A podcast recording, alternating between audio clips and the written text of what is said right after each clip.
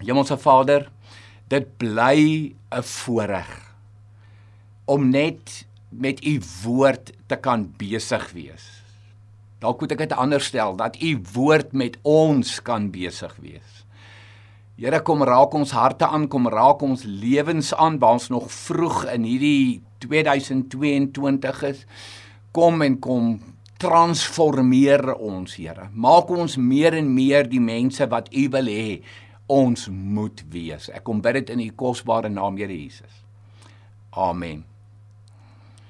Nou 'n nuwe ding is altyd 'n opwindende ding en 'n lekker ding. Ek dink as ek dink terugdink aan my eie lewe tot dusver, dan dink ek die lekkerste opwindendste nuut wat ek nog ooit ervaar het, is die geboorte van my eie kinders, 'n nuwe baba en uiteraard dan oupas en oumas wat dalk nou kyk sal kan assosieer met die hele ding van nuwe 'n nuwe kleinkind. Ek bedoel dit is sosiale media vol. Of dit nou die pa en die ma en die kind is en of dit nou oupa en ouma en die kleinkind is, 'n nuwe baba is 'n wonderlike ding. Kom ons dink aan plante groei. Wanneer seisoene verander. Byvoorbeeld, ons beweeg uit die uit die wintertyd na die lentetyd toe. Hoe die bloeisels uitkom baie baie mense plaas dit ook op sosiale media. Dit is dit dit is nuwe bloeisels, dis nuwe blomme. Dink aan 'n orgidee.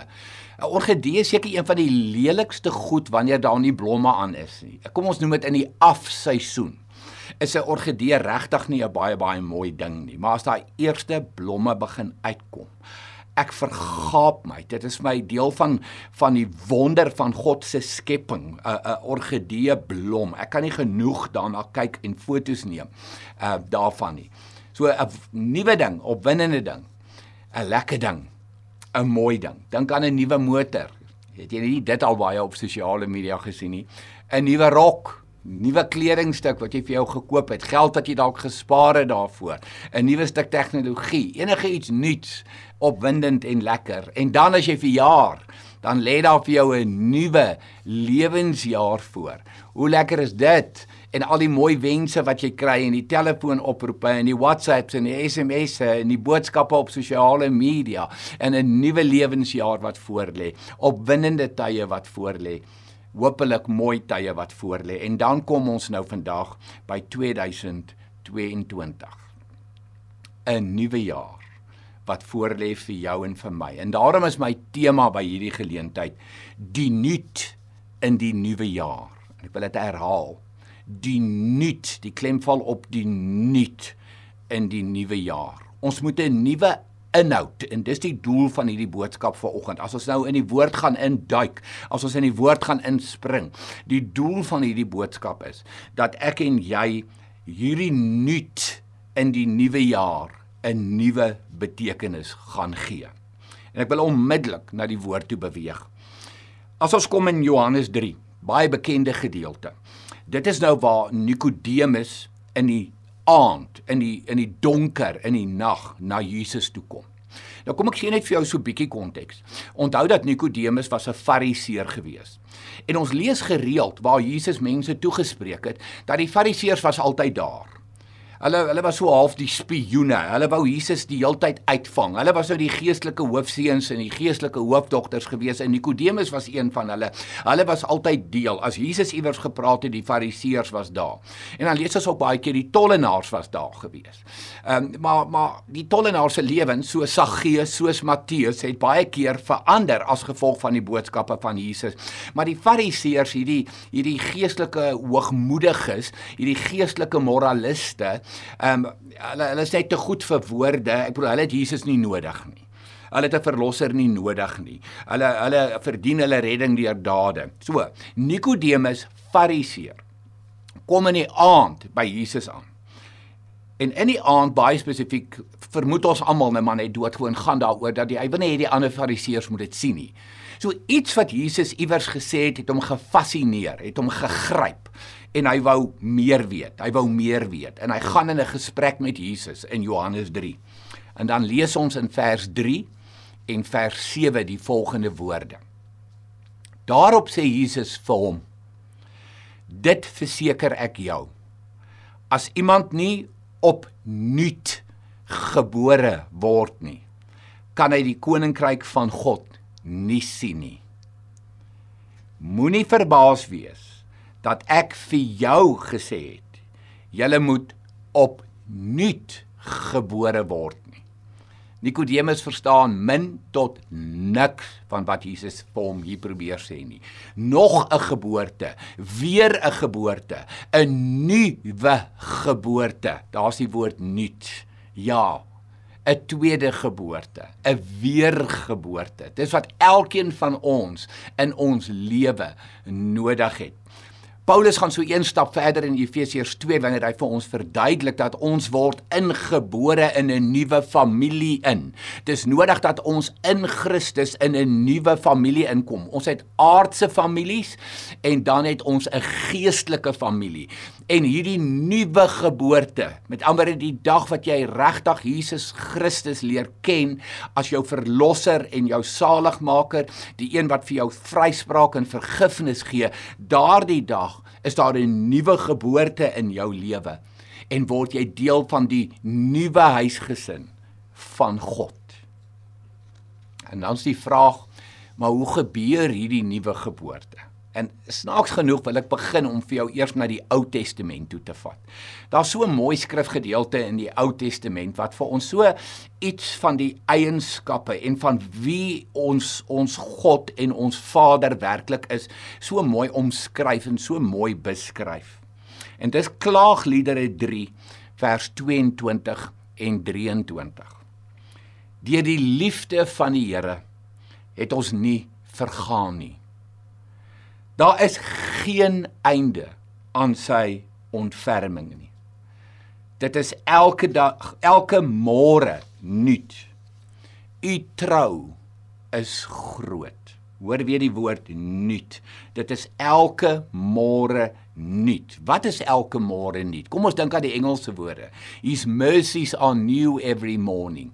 God se barmhartigheid, sy liefde vir ons wat groot is, wat aanhoudend is, wat onvoorwaardelik is. Dit is wat uiteindelik die hele evangelie in aksie sit.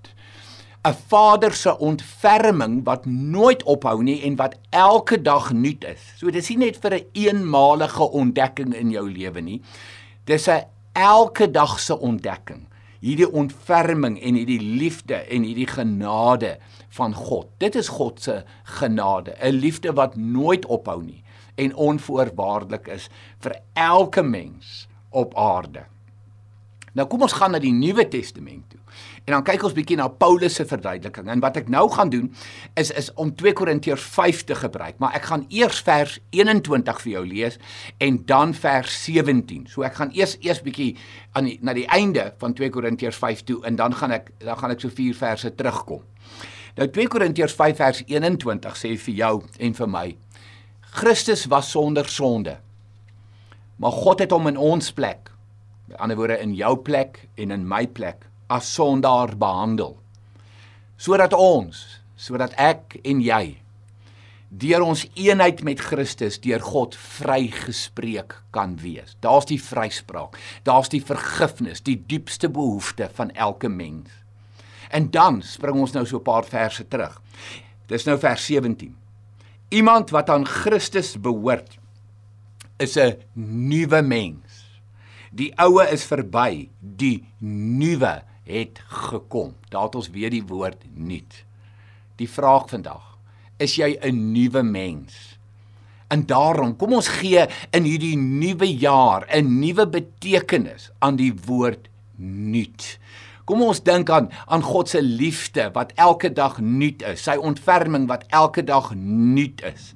Die feit dat ek en jy opnuut gebore moet word en vanuit dit moet leef.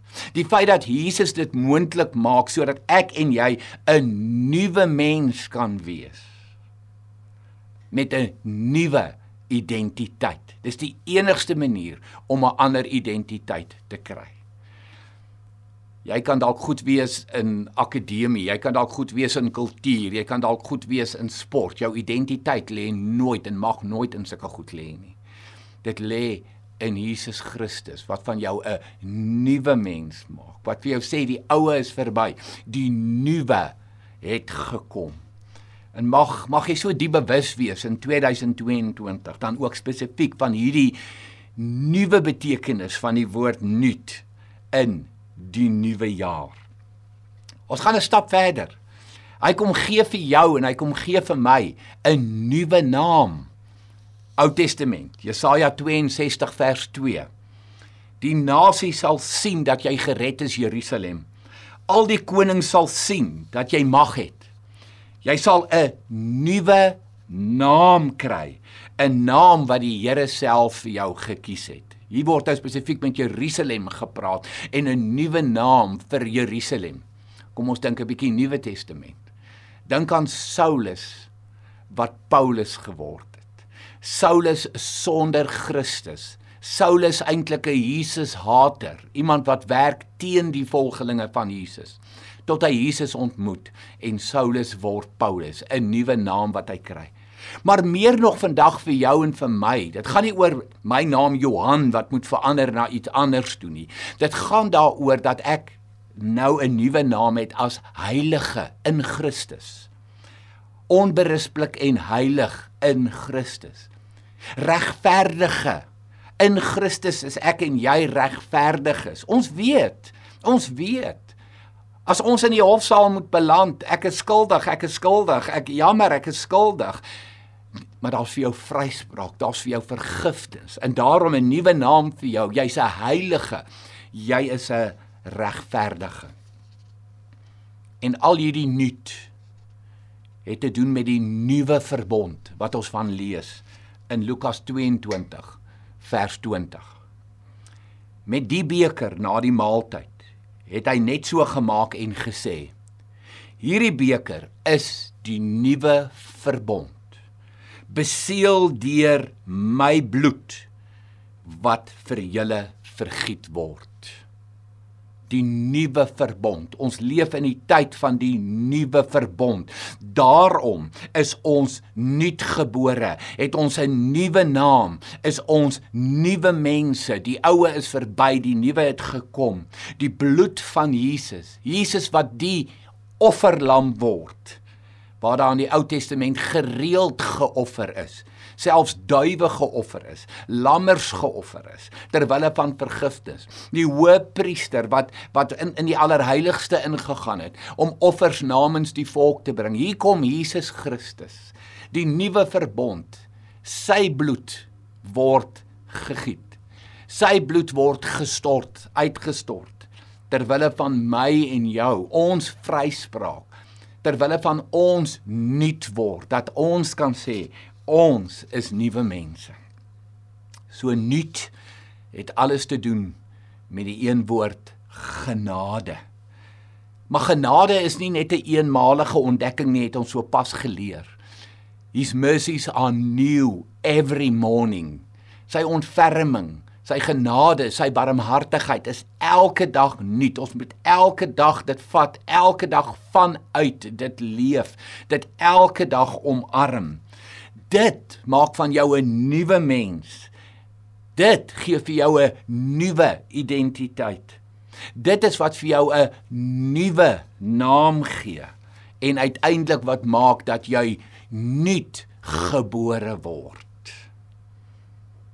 en as al hierdie goed nou in plek is alles wat God vir ons gedoen het, wat Jesus vir ons gedoen het en dis waar in jou lewe as gevolg van die diep werk van die Heilige Gees in jou lewe. Wat dan? Dan wil ek jou vat na Paulus se woorde in Romeine 12 vers 2. Julle moenie aan hierdie sondige wêreld gelyk word nie. Maar laat God julle verander deur julle denke te vernuwe. Dan sal julle ook kan onderskei wat die wil van God is, wat vir hom goed en aanneemlik en volmaak is. Kan jy glo, daar het ons dit. As as as ons nou hierdie nuwe mense is met hierdie nuwe identiteit, nuutgebore, dan se tyd vir 'n nuwe kop. Dis tyd vir 'n nuwe verstand. Dis tyd vir nuwe gedagtes wat uiteindelik loop daardie gedagtes uit op dade. Dit word ons nuwe lewe wat ons gaan lei omdat Jesus jou en my nuut gemaak het. So net weer die woord weer die woorde.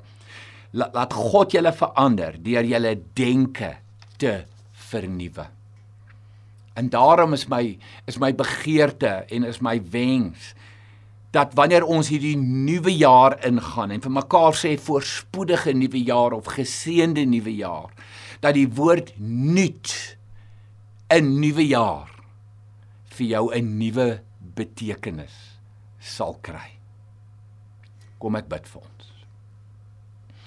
Hemelse Vader, dankie vir u liefde wat net eenvoudig so groot is, so onvoorwaardelik is. 'n Liefde wat nooit ophou nie.